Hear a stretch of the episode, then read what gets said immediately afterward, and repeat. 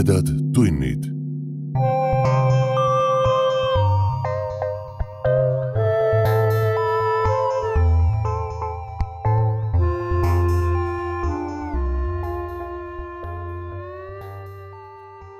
tere, hea ulmesõber. sa hakkad kuulama õudus- ja ulmejuttu vestmis podcasti Tumedad tunnid osa numbriga kuuskümmend punkt üks. mina olen saatejuht Priit Töövel. käes on veebruar, pidustuste aeg.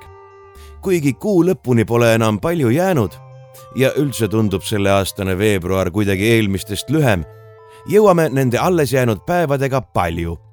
aga sellest õige pea tahaksin tänast osa alustada suurte tänusõnadega kõigile meie kuulajatele, kes on meie tegemisi väsimatult jaganud ja sõpradele tutvustanud. selle tunnistuseks on fakt, et esimest korda kogu meie kuueaastase tegevuse jooksul ületas jaanuaris ühe kuu kuulamiste arv kümne tuhande piiri. suur tänu ka kõigile meie Patreoni toetajatele. ja muide, teilegi ilmub enne veebruari lõppu veel kaks juttu. tänu teile saame regulaarselt varustada osi tehisintelligentsete kaanepiltidega. aga mis veel olulisem, saame nüüd endale lubada ühe soodsamat sorti professionaalse meediapanga kasutamist. Eriefektidele ligipääs ja nende otsimine on nüüd oluliselt lihtsam. ja lisaks sellele saame kasutada ka litsenseeritud teemakohast muusikat. alustame sellega juba tänases osas tänasel osal on veider number. seda sellepärast, et jutt on pikk ja jagatud kahte ossa. teine osa saab ilmuma juba pühapäeval, siis kui olete pidustustest loodetavasti juba enam-vähem taastunud. Tänase loo autoriks on Marek Liinev, mees, kes varem pole tumedates tundides üles astunud. eelmise aasta lõpus ilmus Marekil raamat Minu pere ja muud ülikangelased välja andis selle kirjastus Fantaasia. ja see raamat läheb loosi täpselt nädala pärast kõigi nende vahel, kes meie tänast osa puudutavat Facebooki postitust jagavad. täpsemad reeglid juba nimetatud postituse juures. Aga nüüd lõpuks tänase jutu juurde. see räägib tegelastest, kes millegipärast väga tihti pole meie taskuhäälingus kajastust saanud. Põhjala karused sõdalased ja üks välismaal hariduse saanud noormees. ma loen teile esimese osa Marek Liinevi ulmejutust Viikingid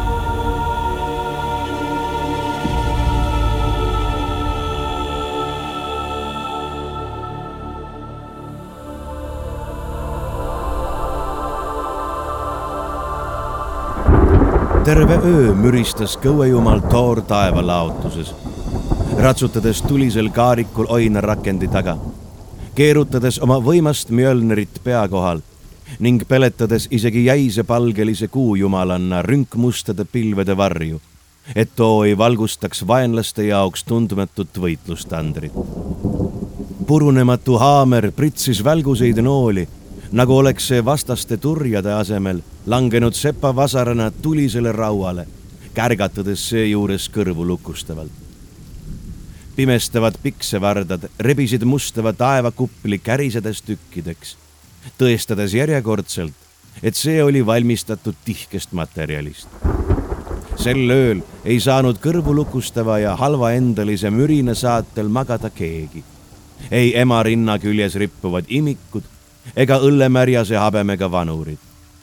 Välja arvatud surnud, kes imetlesid metsikut taplust kõrge pilve veerel ja hõiskasid kõuekajana ergutushüüdeid oma võidukale tšempionile.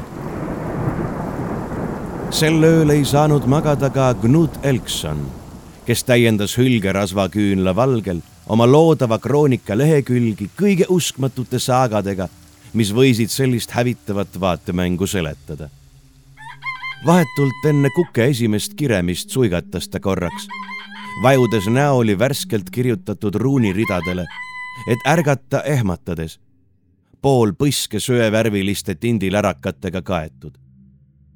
isaslinnu kuri äratuskisa tundus talle läbi une kui kaelale langev timuka kirves, mis eraldab ainsa hoobiga ta kiilaneva pea natukese kidura keha küljest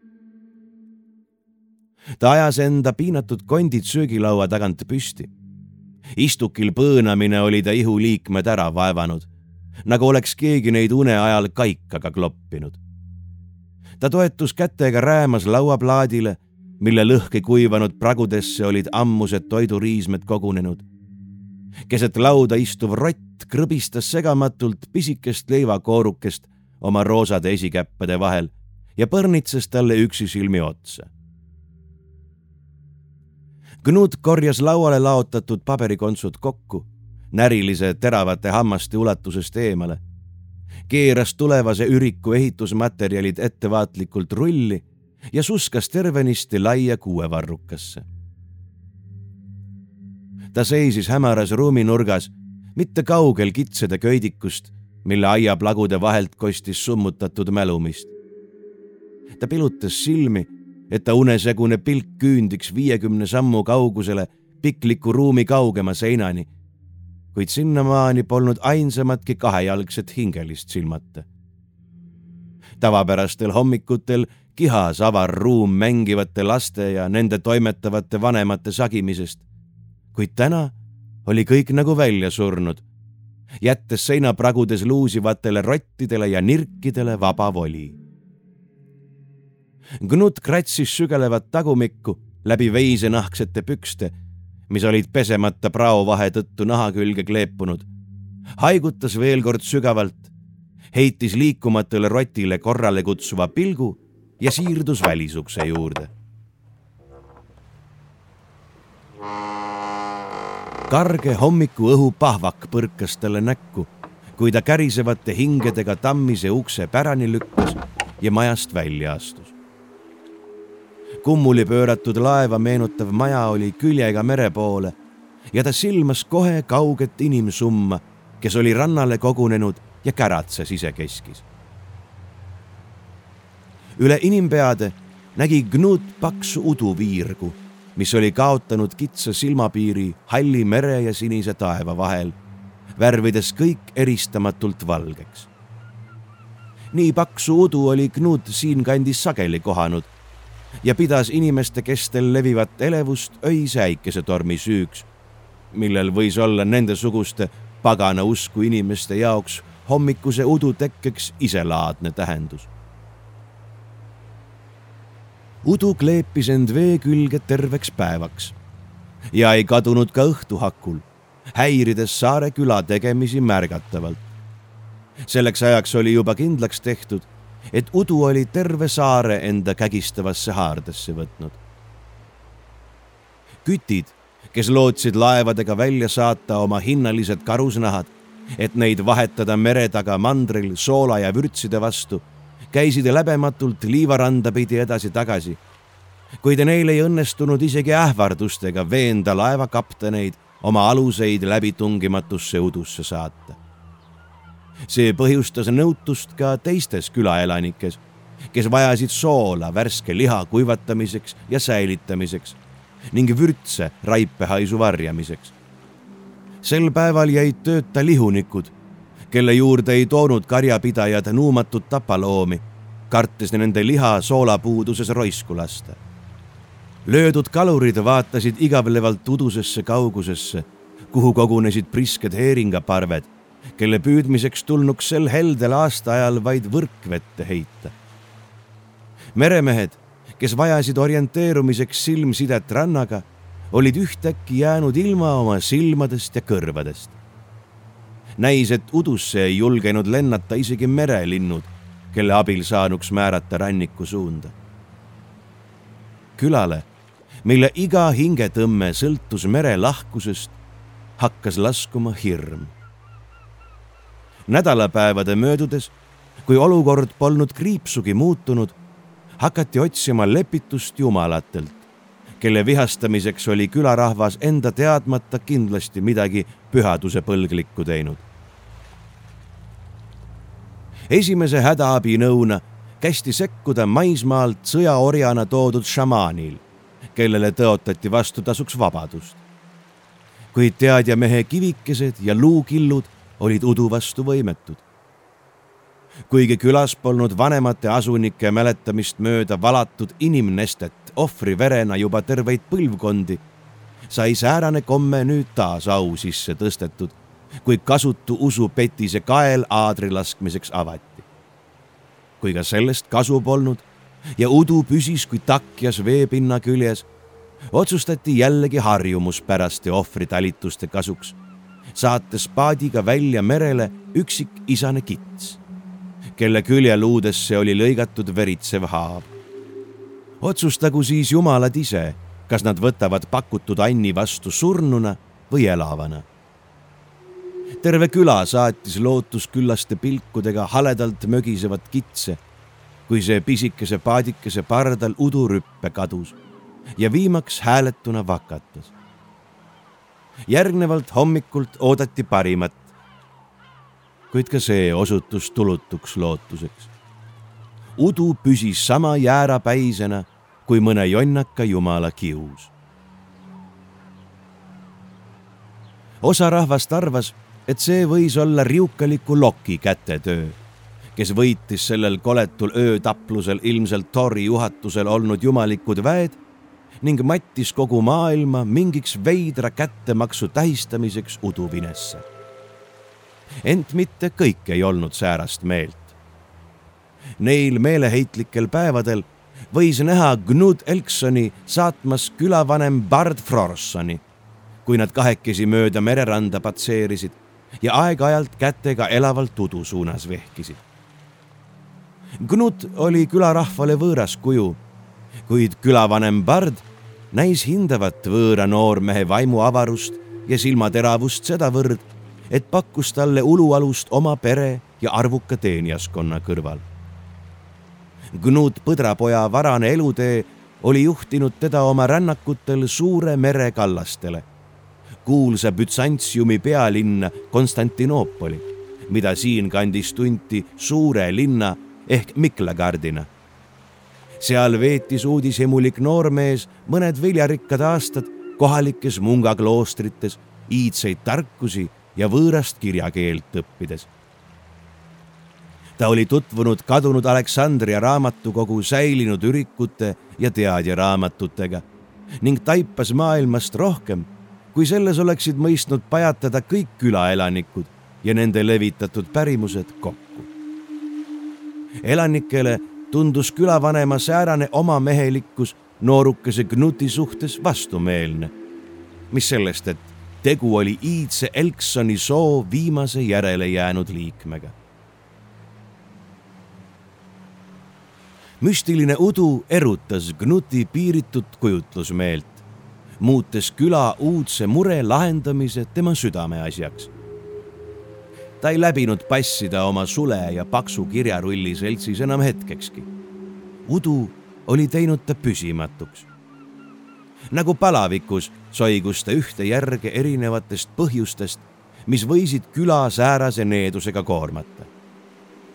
ta käis näpuga mõõtmas merevee jahedust ja nõrga tuule tugevust ning silmaga mõõtmas madalate lainete kõrgust ja läbitungimatu udu tihedust.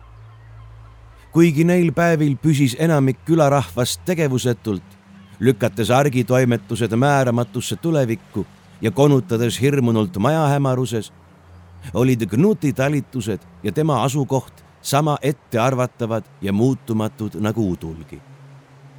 kaks vaenupoolt naaldusid teineteise poole kaljukindlalt vastakuti. udu laisalt lainetava vee kohal ja Gnut rannaliival suurkivi rahnistmiku all. sedasi külmal kivil kükitades silmas ta ühel hommikul kaht turjakat inimkuju seismas vee ja liiva piiril. vahusegused lained üritasid tulutult nende varbaid nilpsida. meretuul sakutas õrnalt rasvaseid juuksetuuste.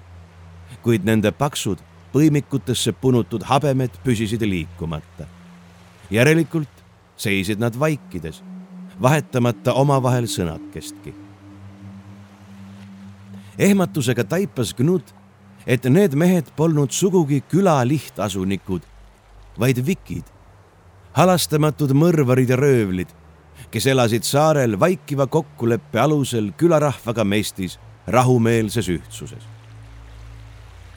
ühes neist tundis Knut ära Leif Bjorn Magnusseni.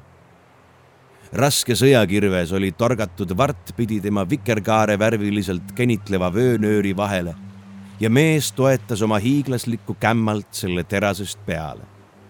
Leif ei olnud saanud oma karuse hüüdnime üldsegi mitte hiigelkasvu pärast, mis tegi ta oma kaaslasest ligi peajagu pikemaks.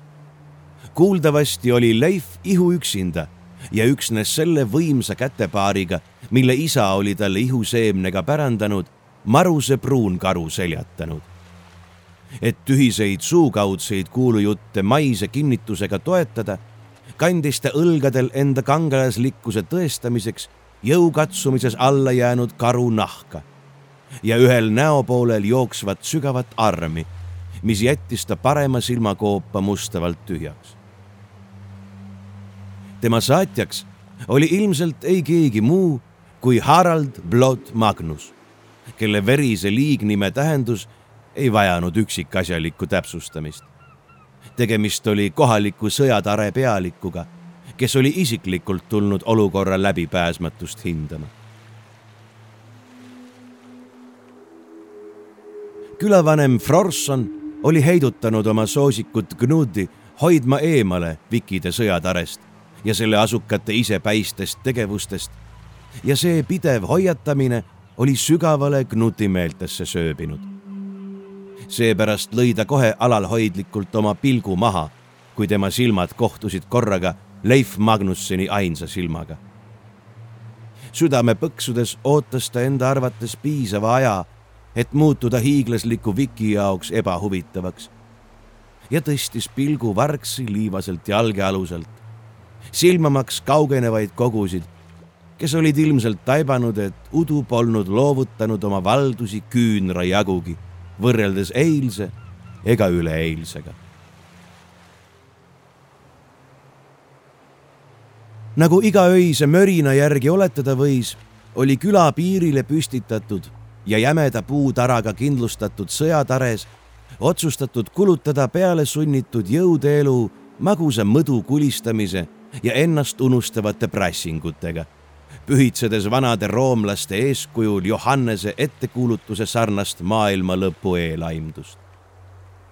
muretuna näivad vikid võisid küll endale lohutavate sõnade ja valuvaigistava joominguga sisendada, et pärast neid tulgu või veeuputus, kuid oli ilmselge, et nad seedisid kibedalt kaugeid kuuldusi et üks Saksi kuningas oli lähipäevil korraldamas oma tütrele priiskavat pulmapidu, kuhu oli oodata tähtsaid külalisi, kelle kaitseks sisemaale koondatud sõjasalgad jätsid järelevalveta rannaasulad, mis oli nagu peibutuseks seatud valmis rüüstamiseks ja vägistamiseks.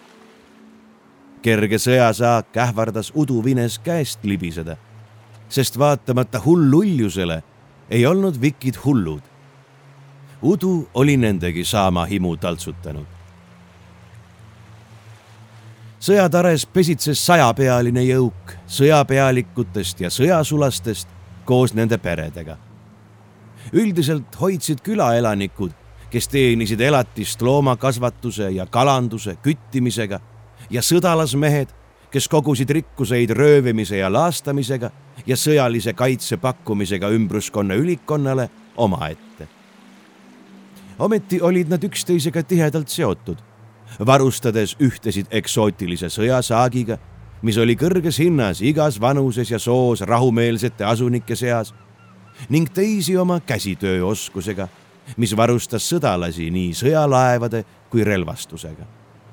lisaks kõigele hoidis hirmuäratava sõdalaskonna kohalolek naaberasulate pahatahtlikke kavatsusi külast eemal kuid mitte kunagi polnud ükski varasem oht lähendanud rahumeelset külarahvast ja omaette hoidvaid vikisid sedavõrd, et mahitada neid jagatud mure lahendamisel üheskoos töötama. sel hommikul harjumatult murelikke viki sõdalasi silmates tekkis noore Elksoni pähe uljas plaan, millest ta vanale Frorsonile läbematult teavitas. terve päev ja õhtu takkajärge kulus Knutil tõrksa külavanema veenmiseks ja kui viimane lõpuks leebus siis kindlasti mitte sellepärast, et ta oleks oma noore kaitsealusega ühel nõul olnud, vaid seepärast, et ta ei viitsinud enam visa noormehega vaielda. kuivõrd ta tahtis lubada noormehel oma sõnade eest karistust kanda, soovis külavanema isalik pool noorukit halvemast säästa. Luba üksnes minul verise Haraldiga rääkida, ütles Frorson pahuralt ja Gnut oli temaga viivitamatult päri lisades kohe, et vaid juhul, kui külavanem võtab ta endaga läbirääkimistele sõjataresse kaasa.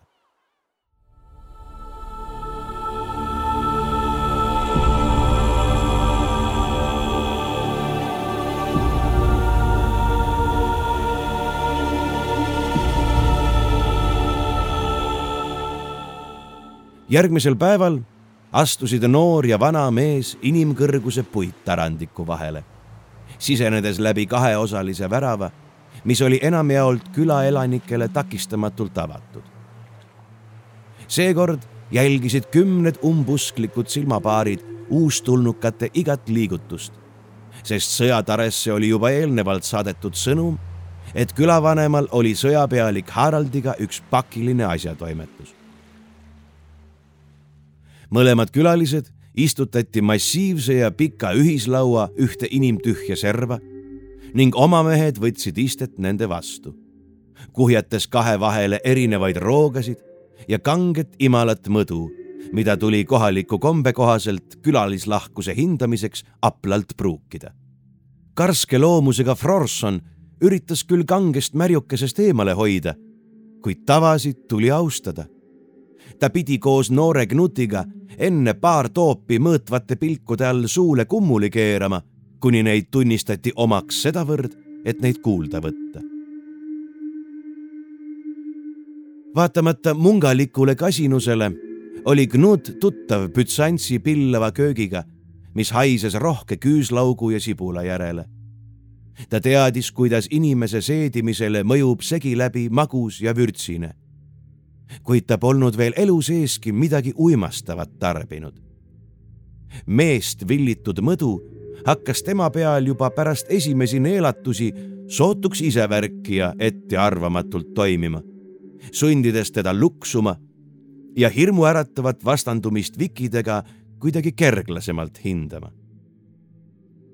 külavanem Frorson oli temast aga tunduvalt enam karastunud ja säilitas oma argliku loomuse ka pärast kahe jõutoobri tühjendamist. rasked ajad meil on külas, andis vanem Frorson ääri-veerija luuleliselt teada oma saabumise põhjuse. selle kinnituseks kostis teisel pool lauda heakskiitev mörin ja kõigil tuli taas vennalikult üks toop tühjendada ei saa minna meie merele oma asjatoimetusi talitama ja ei saa meie lahkunud omaksed võõrsilt koju tagasi. udu lahutab meid kui müür. Harald Blood Magnus mekutas seda kuuldes suud, mis moodustas sügava augu ta tihkes habemes. muud ta ei kostnud. ammutatud vägijoogist julgust kogunud Gnut söandas viimaks pilguga tohutus sõjatares ringi rännata. laua veerele tema vastu olid kogunenud tõenäoliselt kõik võitlusvõimelised ja ealised mehed. aeg-ajalt ilmusid nende kaenlavangudesse lapsikud poisinäod, kõrvad kikkis ja silmad põlemas nagu koopast välja kiikavad karihiired. isade ja onude tähtsat jutuajamist oli põnev pealt kuulata neitsi ohtu tütarlapsed ja küpsed naised koos nende vanaldaste emadega askeldasid kaugemal seina ääres, tegemata näiliselt meeste asjadest väljagi. ent Knut teadis, et selles tares kandsid paljude naised pükse ja nende sõnal oli kohati sama palju kaalu meeste sõjapidamises kui sõdalastel endilgi. ilma naiste toetuseta sündis siin vaevalt midagi. Et Gnudi ja Frorsoni toodud sõnum oma eesmärki saavutaks, oli nende sõnadel tarvis kuidagi naiste kõrvadesse kostuda joovastav mõdu tekitas kummalise kaja Knuti kuuldud sõnadest, kuigi ta sai nende tähendusest suurepäraselt aru, mis sellest, et pisukese viivitusega. külavanem tema kõrval rääkis endiselt edasi. me arvame, et oleme jumalaid millegiga vihastanud. me oleme toonud neile erinevaid armuande selle seletamatu viha lepitamiseks Te teate ju küll, kui kiuslikud võivad jumalad vahest olla. kuid alati on nad järele andnud, sest ilma surelike inimeste toeta ei jätkuks kauaks ka neid. meie esivanemad on suutnud ohvriannukitega isegi vihma taevast alla tuua. Mis sellest, et see oli püsinud seal mitmeid ja mitmeid päikesetõuse. nüüd ei saa me aga jagu tühisest udust, mis hajub tavapäraselt päeva jooksul praegu võime me seda aga mõõta ühe inimese käesõrmi ja jalavarbaid kokku lugedes. taas tehti üks mõduring. nooruke Elkson tundis, kuidas ta ihuliikmed lähevad pehmeks nagu jäämaa kuumades allikates vedeledes. niisamuti läks pehmeks ka ta keel, mis oli senini hoidnud kõik vägisõnad kammitsas me oleme hakanud arvama, et meiega toimuv ei ole sootuks meie esiisade jumalate kius, vaid hoopis uue jumaluse kätetöö. jätkas Frorson enda kõrval konutava Knuti poole kiigates. Polnud aru saada, kas ta otsis oma noorelt kaaslaselt julgustust või kartis ta, et viimane kukub mõdu uimas näoli lauaplaadile. kõikjal meie ümber tunnustatakse ristirahva Jumalapoja kannatusi ja palvetatakse isa, poja ja püha vaimu poole. alles hiljuti püstitati üle mere mandrile pilbastest pühakoda nende palveriituste läbiviimiseks.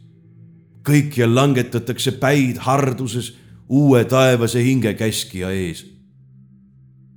vaid meie küla on senini uutele tuultele vastu pidanud ja oma eluviisile ja ammustele uskumistele truuks jäänud. kas mitte sellesama jumaluse teener ei ole mitte sinu uus kannupoiss?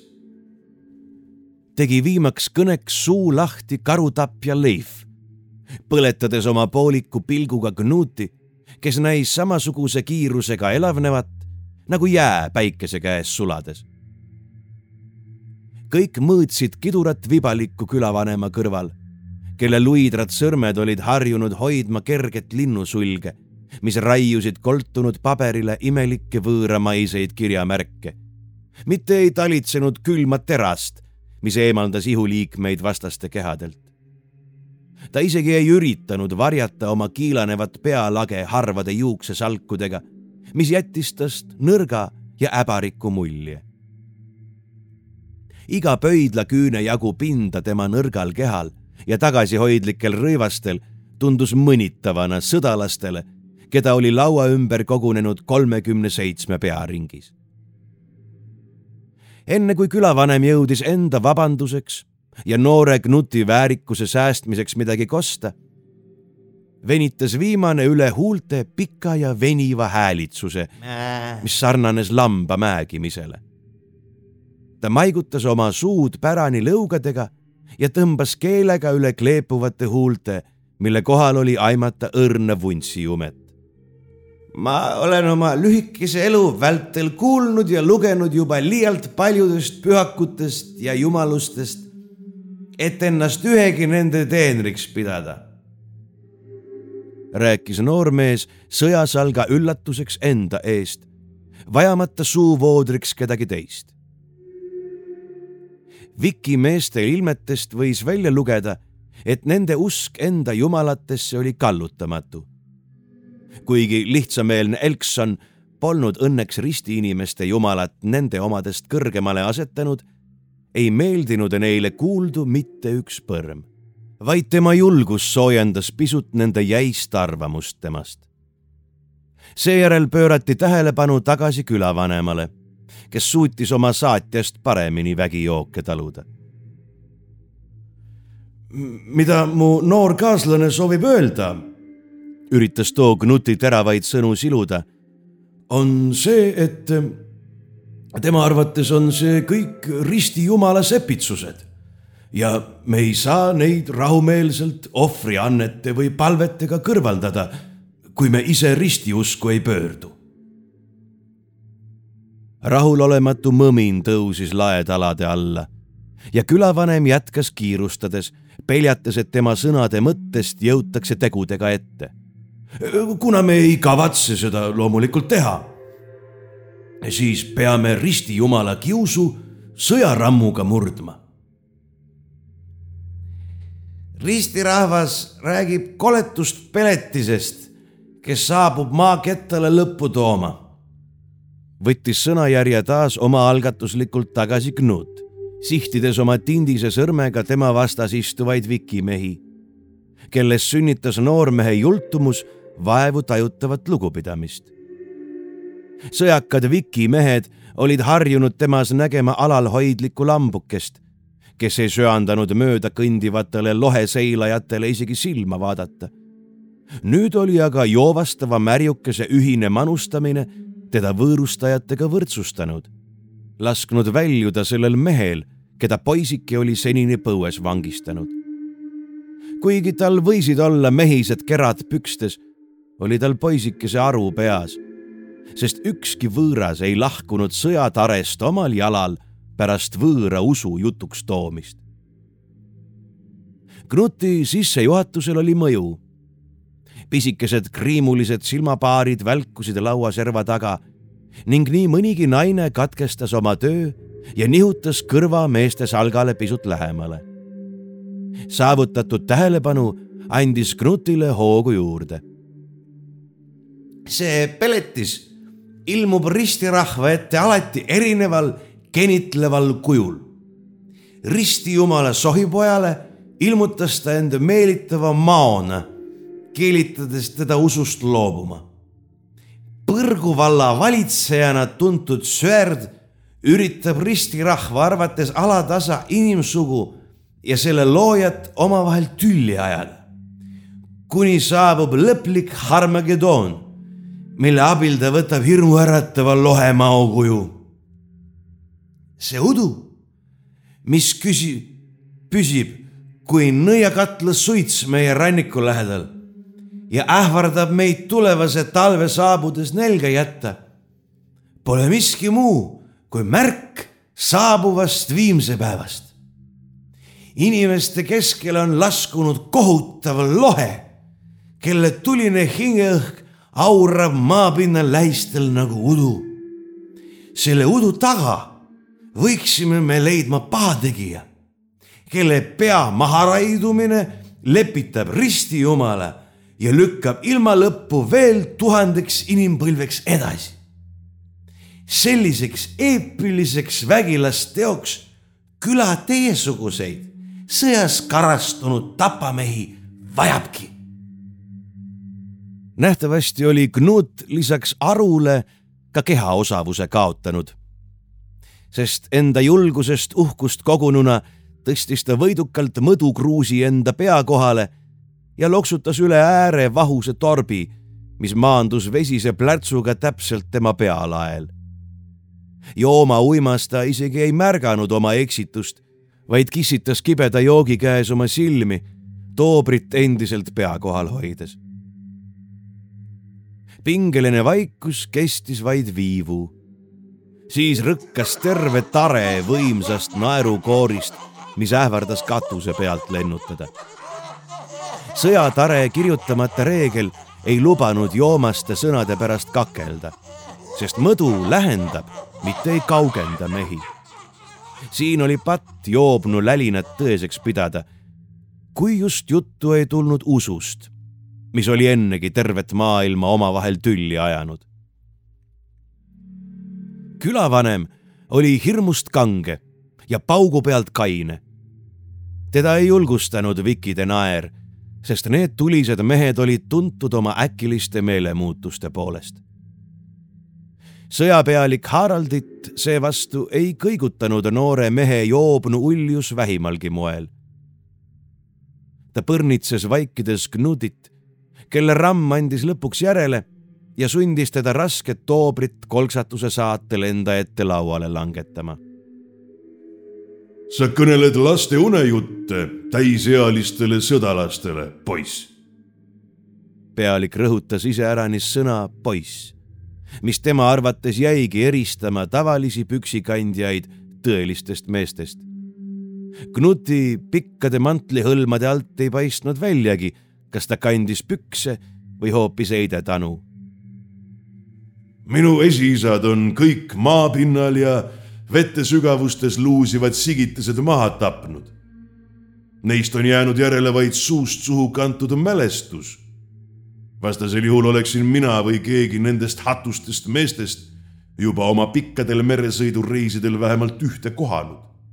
ei, ei te loba jutustad mulle, poiss. Parem skriba nendest väljamõeldistest oma tohlatükkidele, kui tuled siia kotta meie meeli mürgitama. Knut vaatas talle otse silma sisse. ta hakkas lõplikult purju jääma ja suutis hädavaevu sõnu sirgesse ritta seada. ma võin kõigi oma paberite peale kihla vedada, et kõiki ilma peletisi sussilmad näinud pole ta vehkis sõrmega torkivalt Haraldi poole. sa oled võib-olla kuulnud mustal mandril elavatest karvututest ratsudest, kes suudavad oma toruks veninud ninaga inimese nagu oksarao pooleks murda. hirmus väepealik Hannipal peletas nendega lausa võitmatuid roomlasi. ma kahtlen kas sa oled säärast elukat isiklikult näinud? su rüüsteretked võivad ulatuda küll Heraklase sammasteni, kuid nende taha jäävate läänepoolsetele meredele pole sa veel jõudnud. kuidas saad sa siis nii kindel olla, et tead kõike selle ilmaasjust? kui sa oled vaid küüne musta jagu kunagise Rooma valdustest näinud hm?? Kaaslase jultumusest kohkunud külavanem soovis juba midagi lepituseks lausuda, enne kui nad mõlemad kui takud uustid uksest välja heidetakse. kuid Harald katkestas teda käeviipega, andes mõista, et see sõnavahetus oli vaid tema ja noore Elksoni pärusmaa. ristirahva uskumused mind ei huvita. Nende peletised jäävad Juudamaale mis asub kusagil kaugel, lõunas. siia meie kanti ei eksi ükski lõunamaine lohedraakon, kes võiks meie jäistes vetes ära külmuda. ristirahva maailma lõpp toob hukatust vaid neile endile. meie Odin ei loovuta oma kantsi iialgi ja võidutseb Ragnarokis siis, kui selleks õige aeg saabub. vaata enda ümber ringi röögatas oma enese vaprusest joobunud Elkson vastuseks, nii et mõni Viki meestest asetas käe vaistlikult noapidemele. ristiusk levib kulutulena ja jõuab siia külla veel enne, kui sina ja või mina oma loomulikku surma sureme.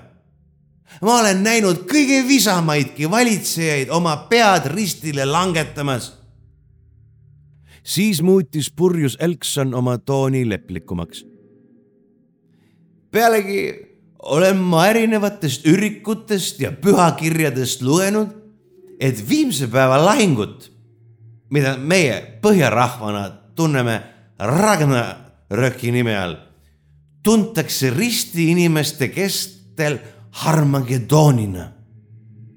viimases ristavad oma piigid ristirahvas ja paganad nagu meie, kes on suutnud vastu panna ristiusu ahvatlustele kui peaks tõepoolest viimaks puhkema ristirahva pühakirjas ette kuulutatud Harmageddon, siis heidetakse kohutavas tapluses meiesugused paganad põrmu. selle ärahoidmiseks peame me end vabastama põrgulisest, kes meelitab meid ristirahvaga taplema.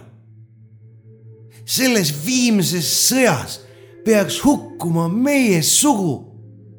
meie võimuses on see kole ettekuulutus kas edasi lükata või sootuks olematuks muuta. me peame selle tuld hingava lohemao tapma. ja selleks on suutelised vaid sinu mehed, Harald, keda kutsutakse ka veriseks üleüldiseks jahmatuseks Harald vaikis. tema muutumatust ilmest oli võimatu välja lugeda, kas ta tundis end meelitatuna, et teda oli peetud vääriliseks olla pagana rahva viimne päästja. kõik vikid tundsid Haraldit sõdalasena, kes ei lase end mesikõnest eksitada. tekkinud vaikust otsustas ära kasutada Gustav Isekas kes otsis igas ettevõtmises omakasu ja näis seda ka leidvat. sa, poiss, tahad meid hukatusse saata, pidades meid lolliks. sellise udu sisse purjetamine on enesetapp, mis juhatab meie hinged vetevanema valdustesse, mitte Valhallasse, kus me oleme oma koha välja teeninud. ehk oled sa mestis külavanemaga, kes ihkab meiesugustest naabritest vabaneda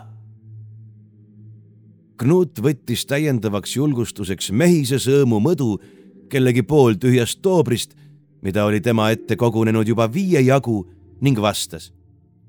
ma poleks iialgi arvanud, et vaprad vikimehed loobuvad kuulsusrikkast sõjakäigust, kartes mere sügavusse ära uppuda. mitu tera väljus üheaegselt tupest sest talitsemata keel vormis äärepealt kõige koletumat solvangut, mida ükski viki ei võinud ilma verise kättemaksuta taluda.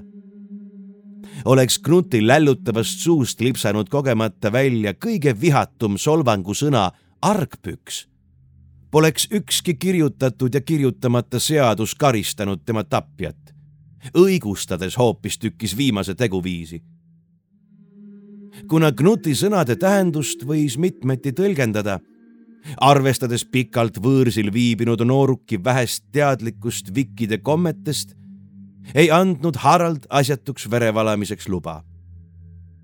tema kivisest näoilmest järeldati, et polnud mõtet oma tera purupurjus kehkenpükside peal nüritada. ent tegelikkuse taju lõplikult vägijookidele kaotanud Knut kavatses kõigile otsemaid tõestada, et seal ja praegu kümnete sõjameeste ees seistes pole tegu tühja ärpleja ja kiidukukega. ta rebis oma hõlmad lahti, paljastades kondise rinnaesise ja röökis täiest kõrist lähima mõõka hoidva sõjardi poole. Raiu oma tera siia kaitsetusse põue, Sten Kivipea siis saab minust surematu hing Valhallasse teiste vaprate sõdurite sekka, kes on seisnud oma sõna ja tahte eest kindlalt. Te võite arvata, et Valhalla on valla vaid nende jaoks, kes hukkuvad tapatandril, relv käes võideldes. ent minu sõna on minu relv ja minu tapatander asub siin sõjakojas kus ma kutsun armutuid sõdalasi püha ettevõtmise nimel võitlema. külavanem Frorson polnud sugugi nii kindel, et sealsamas vihale aetud tapja käe läbi hukkudes satuks temagi Valhallasse nagu sõdalasele kombeks. ta oli valmis oma elu säästmise nimel kas või põlvili langema. Ent Harald Verine oli juba oma otsuse teinud ma lahkun udusele merele kahekümne kõige armutuma tapja seltsis. kuid see läheb sulle, Bard Frorson, maksma su tütre süütuse, kelle sa vastutasuks mulle kingid. ja sina, kirjateadlane, Elksoni soo viimane pärija, tuled meiega kaasa, et oma sõnade eest oma eluga vastutada, nagu sa praegu kõigile lubad. võib-olla on tegu tõesti võõramaise koletisega, kelle kohta on sinul rohkem teadmisi kui kellelgi meist. Neist teadmistest võib meil kasu tulla. ja ma ei kavatse võitlusesse söösta, tundmata oma vastast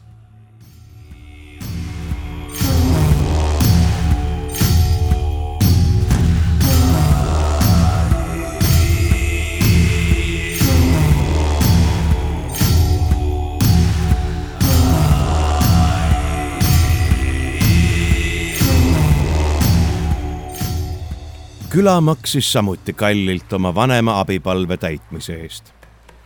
tõrvaaukudes aeti männipuud põlema, et katta tulise veekindla tõrvakihiga viki meeste kõige uhkema loheratsu plangud. täkitud kilbilauad vahetati uute lihvitute vastu. kirved ja odad said endale uued varred, nürid, mõõgaterad ja kirvesilmad uue lihvi mõrsjaks pakutud külavanema tütar Astrid kinkis Haraldile isiklikult kopranahast õlakud, mis muutsid niigi koguka mehe veelgi turjakamaks. soolaheeringa ja soolasingi tünnid asetati laeva istmeridade vahele. kõverad aerud asendati sirgetega, kriuksuvaid õlitati hülgerasvaga, kirkavärvilised kilbid kinnitati reelingutele igale sõjamehele kaitseks kurja peletise tulise hingeõhu eest. möödunud sõjakäigust rebenenud puri nõeluti kuivatatud hülgesoolikatest punutud paeltega kokku ja merelohepäine alus oligi külarahva ühise pingutuse tulemusena väljasõiduks valmis. karmid Viki mehed läbisid rituaalse puhastuskäigu enne sõjakäigule asumist, mis võis mõne, kui mitte kõigi jaoks jääda viimaseks. see lähendas neid üksteisele, kinnistades katkematut vennalikku sidet mida ei lahutanud isegi lahkumine Valhallasse. mehed sugesid teineteise juukseid ja pikki habemeid kalaluudest kammidega ja punusid peenikestesse patsidesse. laubale ulatuvad juuksed pügati traditsiooniliselt lühemaks, et vastane ei saaks võitlusmöllust neist haarata, kuid kuklasalgud jäeti pikaks, et nad kaitseksid kaela külma meretuule eest. igaüks sai laubale silmade vahele ja ülamokale pöidla suuruse veretäpi, mille oli sinna surunud parim sõber, nägemise teravdamiseks ja haistmise ergutamiseks. Viki naised kantseldasid meeste toimingutest sõltumatult omaette edasi, kuigi kõigi mõtted olid lahkuvate sõdalaste juures. poisikesed kiikasid sõjatare uksepilu vahelt suurte meeste toiminguid, uudishimulikkude näod üksteise kohal närviline Knut, kes tundis end kui saatanliku kavalusega sõjameeste poolt lõksu veetuna, tuiutas valvsate vikimeeste pilkude all sihitult ringi. ta lonkis nende pikkkojast mööda ja piilus üle laste peade selle sisemusse. temani kostus vaid meeste pilkav lora, millega nad üritasid üksteise meelt üleval hoida. eelmisel päeval pruugitud mõdu tegi talle samamoodi haiget kui selle mõju küüsis välja öeldud sõnad. kui tahes süvenenult ta ka oma valutava peaga ei mõtelnud, ei suutnud ta ikkagi välja mõelda, miks oli ta hüljanud külavanemaga algselt kokku lepitud plaani paluda Vikidel näidata külarahvale eeskuju, seilates oma lohelaevaga uljalt udusse, kinnitamaks ka kõige kartlikumale kaupmehele ja kalurile, et piirav udu tekitas meresõitmisel küll arvestatavat ebamugavust kuid kindlasti mitte ohtu nende turvalisusele. miks oli ta küll kokku luuletanud jutu ristirahva pühakirjast tuntud koletisest, kelle olemasolusse ta ei uskunudki. joobnud sõnad olid tema suust omatahtsi välja lipsanud ja hakanud elama oma isepäist elu. ehk oli ta märganud Vikkide pilkudes kahtlust nende palve rahuldamisega kaasneva kasulikkuse pärast mõistagi ei oleks ükski täisvereline Viki olnud nõus vabatahtlikult oma elu mingi küla nimel kaalule panema, saamata midagi vastutasuks. ehk lootis Knut peibutada Vikisid udurüpes peituva varanduse või kuulsusega, mis kaasneb koletise tapmisega. sellisest võimalusest oleks unistanud iga Viki, kes tahtis oma nime kangelaseepostesse jäädvustada aga võib-olla soovis Knut oma praalimisega hoopis jõhkratele vikidele muljet avaldada. või hirmu naha alla uuristada, näidata neile, et tema ei raisanud oma eluaastaid tarkades raamatutes tuhnides tühja, teades palju rohkem maailma asjust kui nemad. et vaatamata ihulisele allajäämisele ületab ta neid kordades vaimutarkuses. oh edevus, ole sa maapõhja neetud Helheim sind võtku, vandus ta põrguvalitsejannale mõeldes. teda ei lubatud põgenemise kartuses sõjataret ümbritseva palissaadi vahelt väljudagi. ta väljapääsu tõkestasid kaks ristatud odakirvest niipea, kui ta raske südamega värava juurde tuiutas. ilma kiviste vardjate sõnadetagi oli talle selge, et ta pidi jagama oma saatust lahkuvate vikkidega tuikav pea ja eluohtliku olukorra väljapääsmatus kiskusid ta tuju morniks, mida mõned vikid üritasid sõbraliku parastamisega leevendada. vaikimisi lootis ta udu ootamatule taandumisele, kuid üle tara piirde piiludes polnud oodatud muutusest märkigi. mis iganes varitses selle neetud udu sees, seda pidi tema nüüd esimeste seas omal nahal tunda saama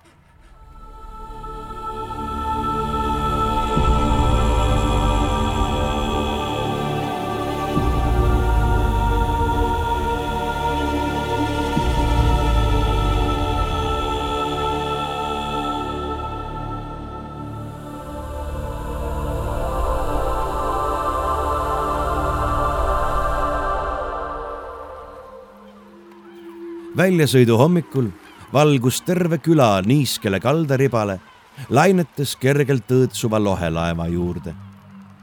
Ulf Himur pidi kaaslaste lõbuks kuulama oma naise paksu, ent tööka Helga õpetussõnu, kuidas võõrsil teistest seelikukandjatest eemale hoida.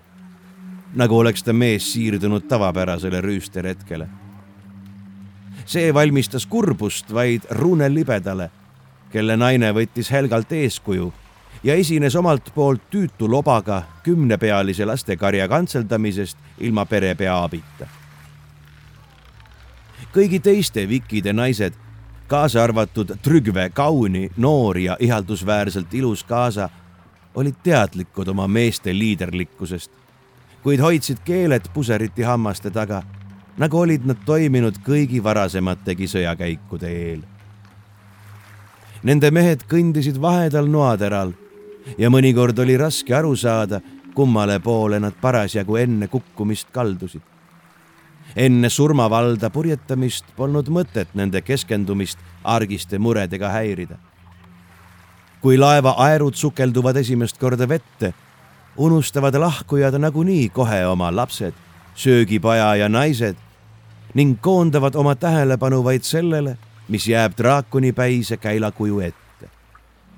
keegi saatjatest ei nuta, keegi ei hala, keegi ei nuuksatagi. viimane embus ja lehvitus, mis võivadki jääda viimaseks, on ainsaks lohutuseks maha jäänud peredele. seistes lohelaeva kõikuval pardal ja tundes selle kere plankudest imbuvat värsket tõrvalehka vaatles Knut igatsevalt kindla maapinna suunas, kus temale ei lehvitanud keegi. isegi külavanem vältis temaga süüdlaslikult pilguvahetust. salamisi tõotas Knut endale, et naaseb sellelt reisilt uuesti sündinuna, veidi vihasemana ja kindlasti kogenenumana esimene kollektiivne aerutõmme kukutas ta ääre pealt jalust ja ta istutas end vööri inimpikkuse siukaela taha. meeste omavaheline tögamine oli vaibunud. ja keegi isegi ei muianud tema kohmakuse üle. kauge udumüür lähenes iga aerutõmbega. tuulepuudusel oli puri ristmasti külge seotud, lootes vähemalt tagasiteel soodsale pärituulele. mehed hingasid ühiselt ja häälekalt aerude tõstmise ja langetamise rütmis sisse ja välja, jättes mulje, nagu oleks lohelaev ise ellu ärganud ja puhkinud mööda vetevälja edasi. mida sügavamale nad uduvalda tungisid, seda kitsamaks muutus silmapiir, küündides lõpuks lausa käesirutuse kaugusele. Kahes sirges reas sõudvad mehekujud lõid piimjas õhus kummitusliku kujundi hiiglaslikust maost, kelle keha väänleb ja vonkleb üles-alla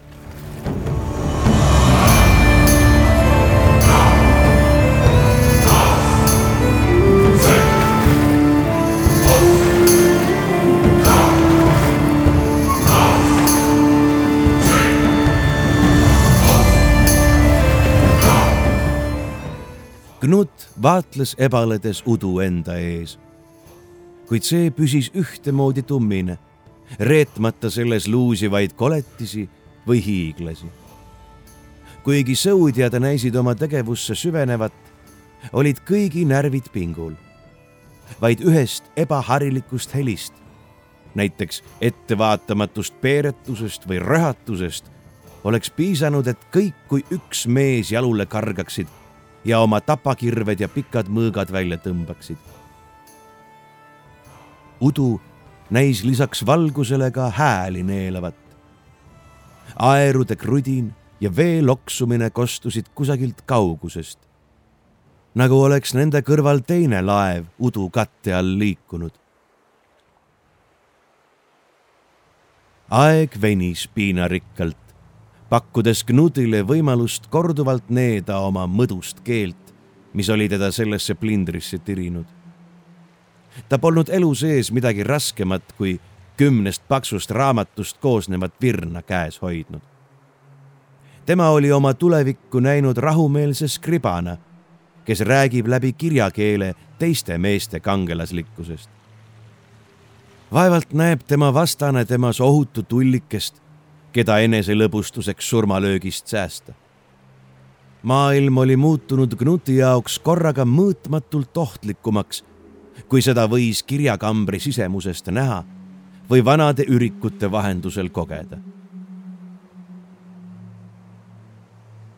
ühel hetkel märkas Knut muutust sisse hingatava õhu koostises ja temperatuuris soe vastutuul hajutas õrna udu. aerude nagin jäi harvemaks. sõudjad lükkasid oma vammuste hõlmad pärani. aurune hingeõhk nende nägude eest kadus ja peatselt tõmbusid nende näod pingutuse ja palavuse koostoimel punaseks. meresõidus võhiklik Gnut ei osanud aimatagi, kaugele nad olid rannikust jõudnud oma enese sisendatud hirm udus luusivate koletiste ees oli pikendanud aja kulgu. ometi tundus millegi üleloomuliku kohalolek pisut varasena. ta oleks hea meelega vältimatut edasi lükanud. nüüd paistis see saabuvat. võõrad, ennetabamatud lõhnad tungisid sõõrmetesse ajades Knuti köhima ja vikisid tema suunas vandesõnu sosistama, et teda vaikima sundida. ta surus suu mõlema peopesaga kinni, ent läkastamine ei lakanud. ehk oli selle põhjustajaks udus luusiva koletise hingeõhk, mis muutis õhu palavaks ja mõruks. kummalised hääled lõikasid läbi udumüüri mis tundus muutuvat üha hõredamaks ja hõredamaks, vihjates udupiiri lähedusele. veest tilkuvad aerud tõmmati sisse ja asetati istmeridade vahele. laev libises rahunenud vee peal omasoodu edasi nagu kantuna mingist nähtamatust hoovusest.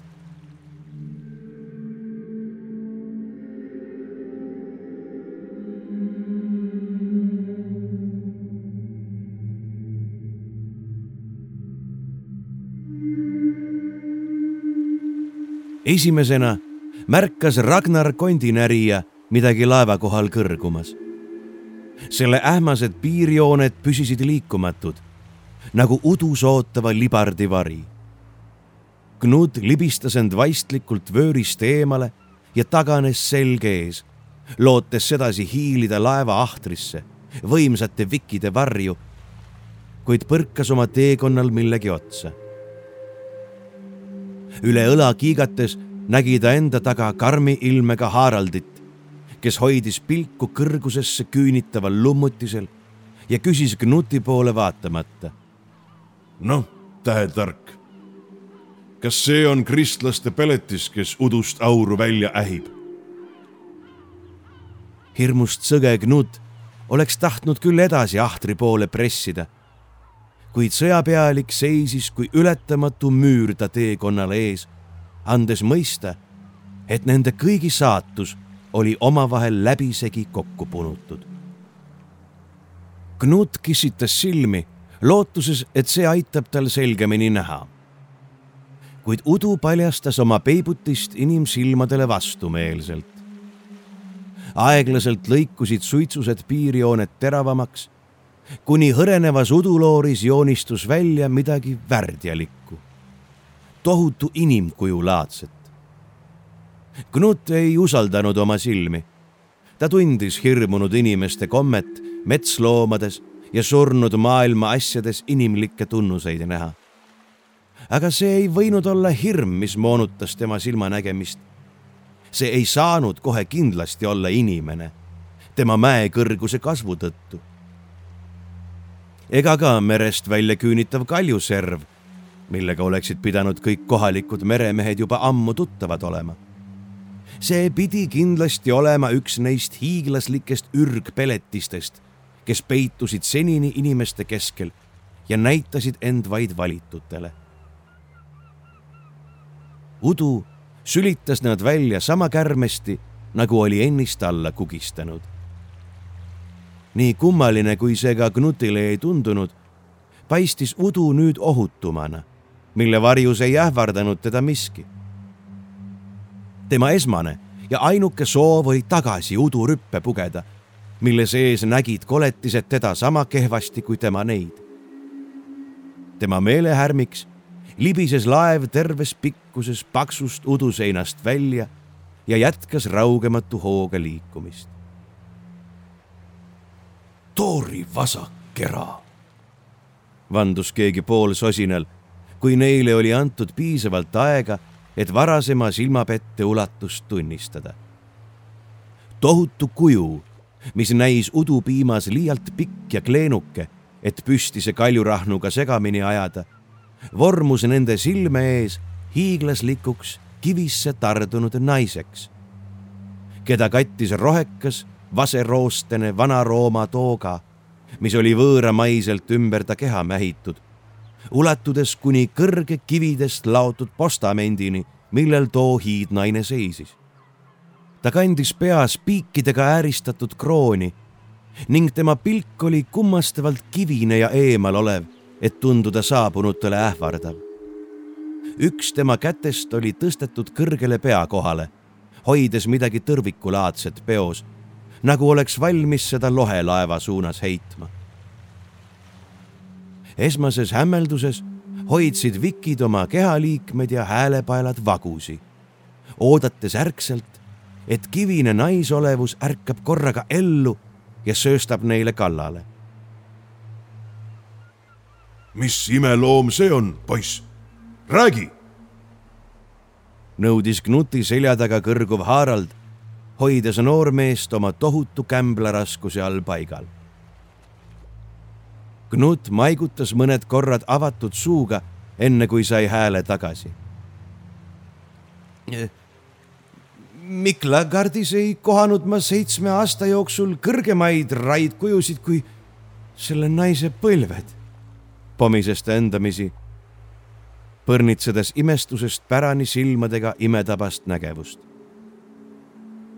Kas see on hiiglaste kätetöö? pressis talle peale Harald, kes pidi viivitamatult uut olukorda hindama ja ei saanud meestesalga pealikuna endale tegevusetust lubada, vastutades iga sõjardi elu eest. see võib olla sarnane inimkätega püstitatud kuju, mis seisis kunagi iidsel ajal Krikkide saare sadamas. selle harkisjalgade vahelt mahtusid mõistujuttude kohaselt isegi täispurjes laevad läbi sõitma. tänaseks võib sellisest imest vaid vanadest ürikutest lugeda. ja mina näen oma silmadega midagi säherdust küll esimest korda. on see ristiinimeste jumalus? Knut ei osanud teha muud, kui pead raputada. vot poisid, see ongi see kristlaste hoor nähvas irvhambana tuntud Ingvar Lõuapoolik, kes heitis oma mehe selja taga kiimase jumalaga ühte ja lasi endale bastardist sohilapse taha teha. ta rääkis kõmiseval häälel, mis tundus Knuti jaoks küllalt vali, et äratada isegi uinunud naise kujusid ellu. ma tahaks tema tänu alla kaeda, lisas Ulf Himur tagantpoolt see moor pidavat olema veel sünnitades neitsi. marusena plahvatav naerukoor ehmatas Knuti vähesedki juuksekarvad püsti. see ongi siis sinu tuldpurskav koletis, hüüatas Knutile kõige lähemal istuv mees. millisest mulgust tal see suits küll pärit on? vikimehi ei olnud raske naerma ajada millest võis järeldada, et nad kõik olid elevil ja närvis ning püüdsid neid naiselikke nõrkusi oma kaaslaste eest muretu rõõmsameelsuse taha varjata.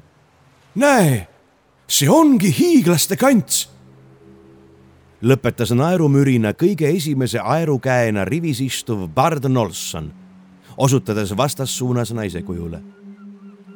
kõigi pilgud pöördusid üheskoos pahema parda suunas ja isegi kõige karastunumad vikid ei häbenenud imestushüüatusi, sest silmadele nähtu paistis pärinevat otse kui vanaisade kangelasmüütidest. mõni rähmas isegi käe seljaga üle silmade, kutsudes neid väärpildi loomise pärast korrale. siinpool udu tähistas sombuse hommikupooliku kestmist nõrk päikesekuma ühtlaselt halli pilvekatte sees vasakult nähtav rannaviirg võis neist jääda umbkaudselt sama kaugele kui kodurandki, kust nad olid äsja lahkunud. kuigi vahemaa tundus udus sõudmisele kulutatud ajavahemiku tõttu usutav, oli oodatud vaatepilt justkui tundmatu vastu välja vahetatud. tühja rannaliiva asemel jooksis sirge ja kivine sadamakai, joonena nii kaugele, kui silm ulatus ja selle kohal kõrgusid uskumatult sihvakad majad, mis sarnanesid kodus tuntud pikkojadele. vaid selle erinevusega, et need olid otsekui otsa seinale püsti tõstetud ja küünitasid end sedasi kõrgusse, pilvede poole.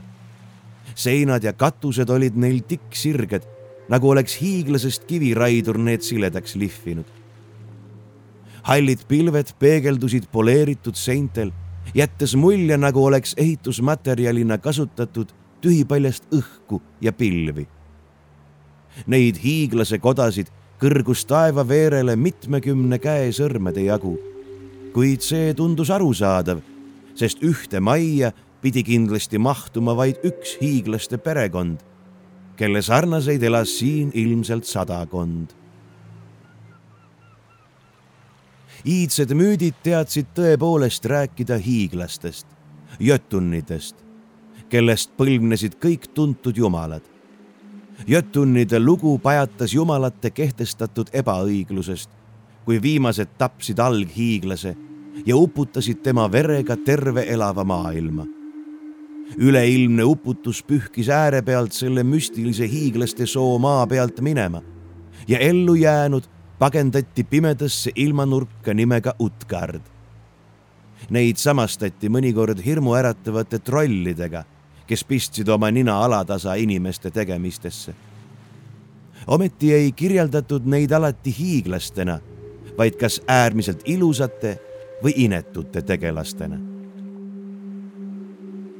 nagu oli näha Viki meeste ilmetes ja kehahoiakus, leidsid nad kõik nendes kuuldustes endale sobiva tõe. Nad imetlesid aupaklikkusega käega katsutavas kauguses kummitavat ilmutust, kuid nad polnud sugugi ühel meelel, kas uurida seda lähemalt või sõuda halvema vältimiseks tuldud teed tagasi. Knut lootis, et temalt selle otsuse langetamisel nõu ei pärita.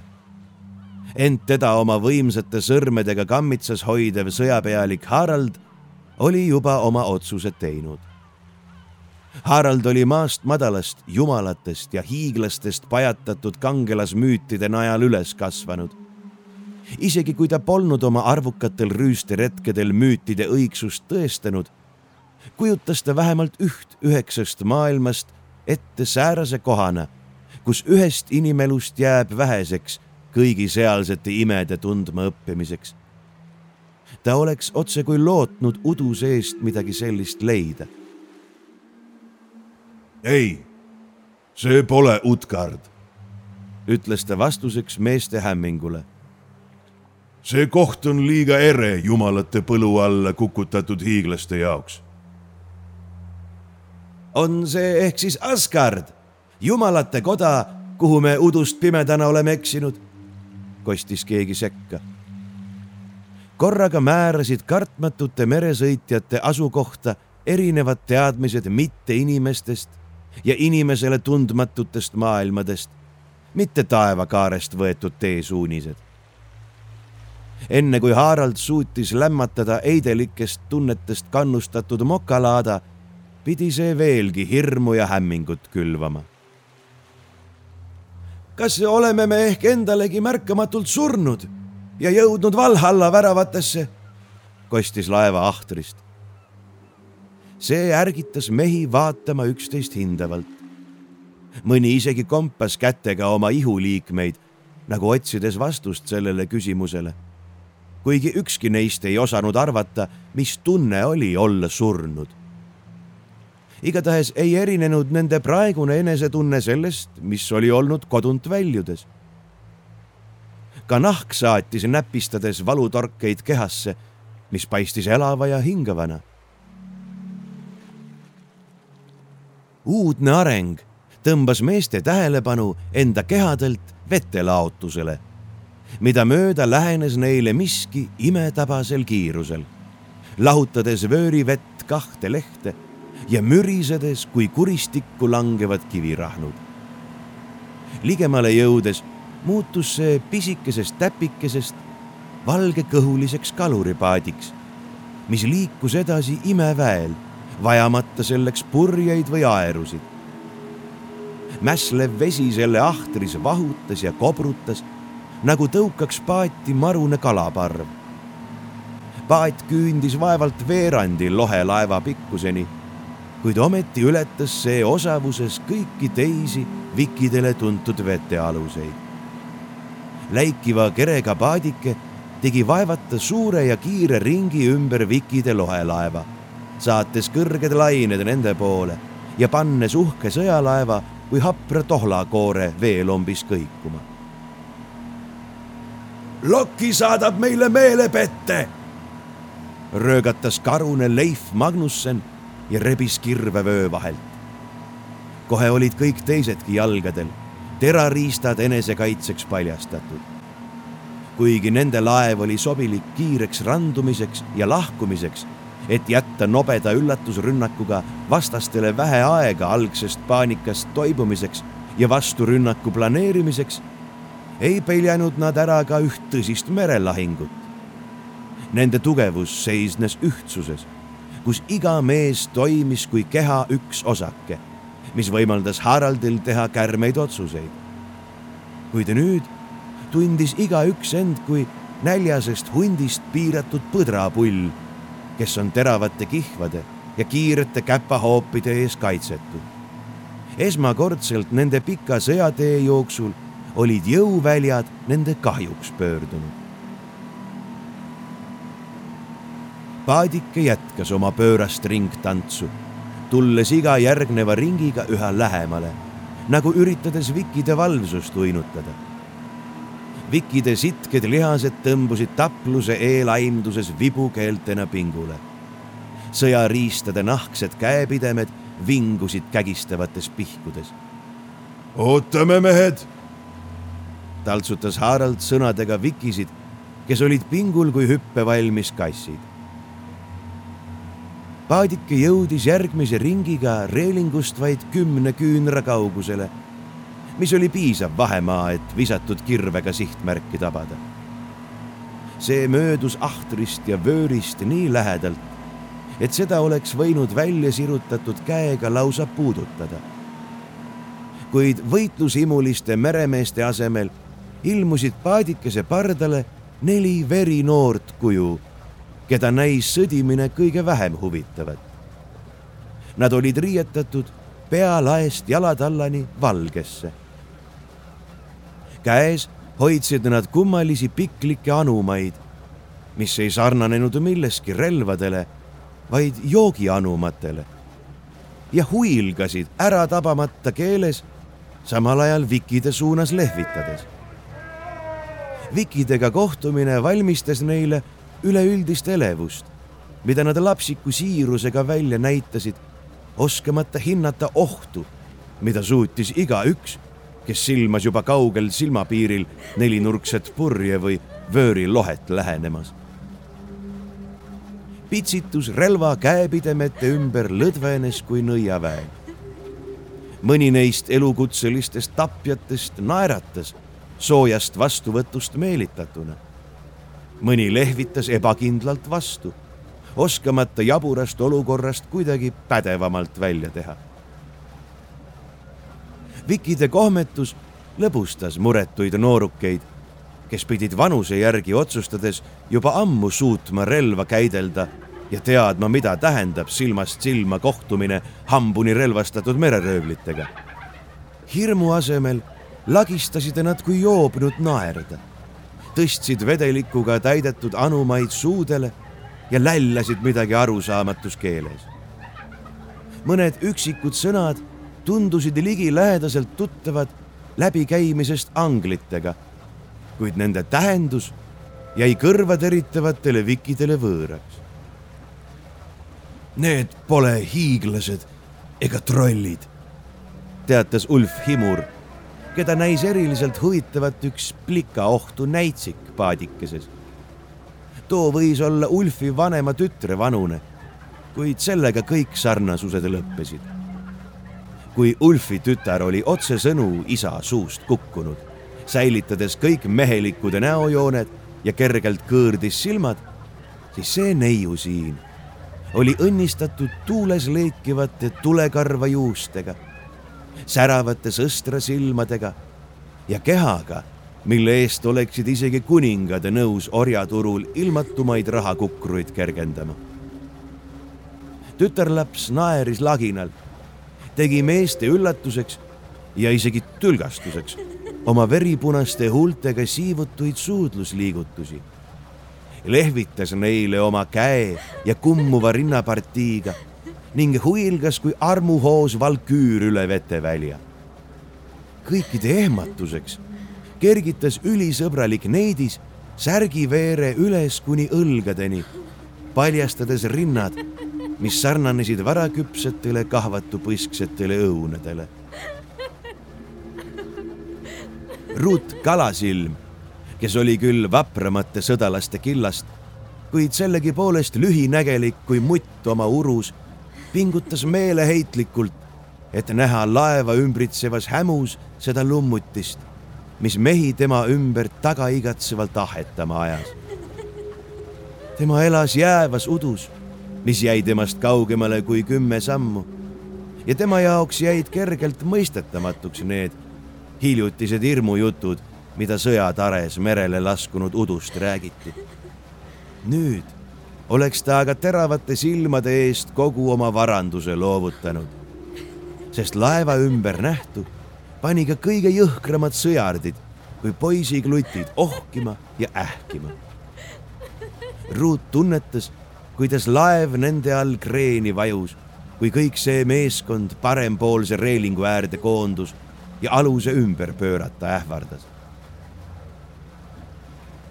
Temale jäidki kättesaamatuks need himurad mälukillud, mida vahedama pilguga vikid said sellest üürikesest kohtumisest enda omaks tunnistada.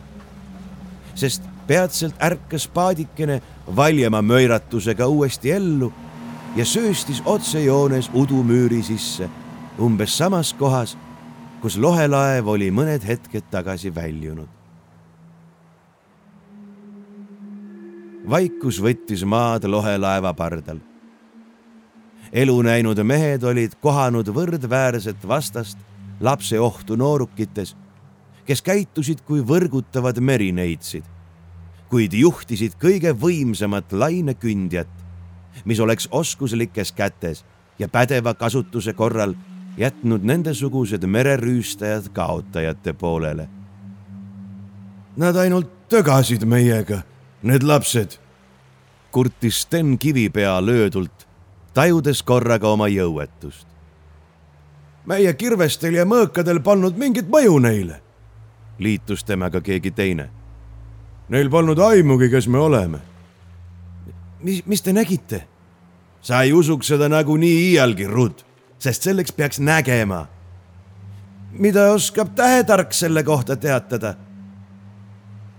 Knut oli ennist oodanud kõige võikamat lahingut, mis värvib vee nende ümber inimverega ühte tooni.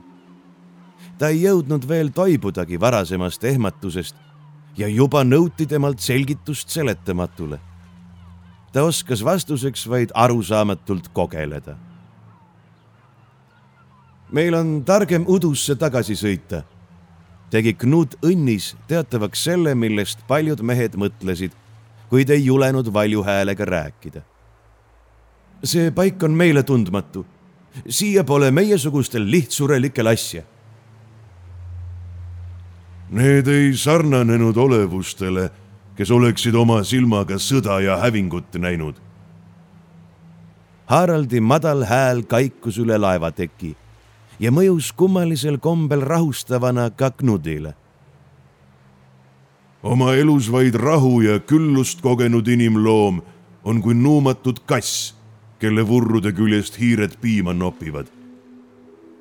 nähtavasti oleme meie läbi udus paikneva hiireaugu pugenud ja siia hellitatud kasside sekka sattunud mu soontes ei voola viki veri, kui ma seda juhust kasutamata jätan ja ma usun, et täpselt nii on ka teiega.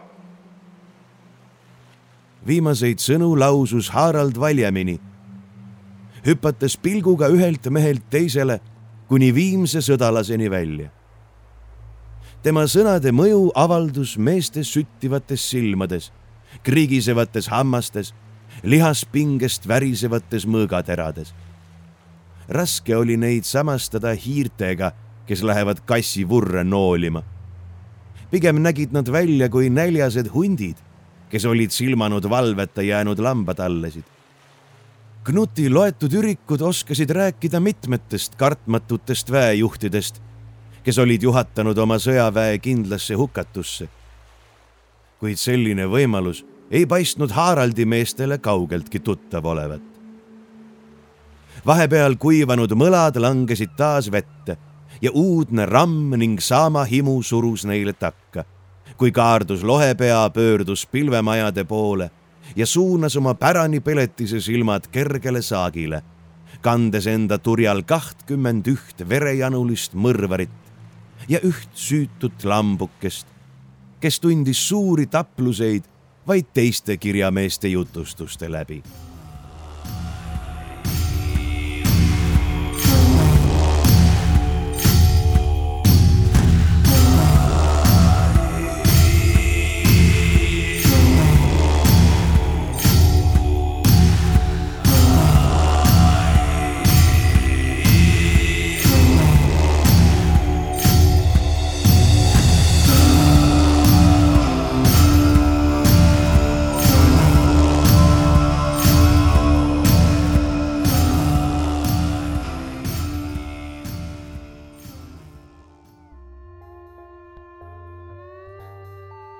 Te kuulsite esimest osa Marek Liinevi ulmejutust Viikingid.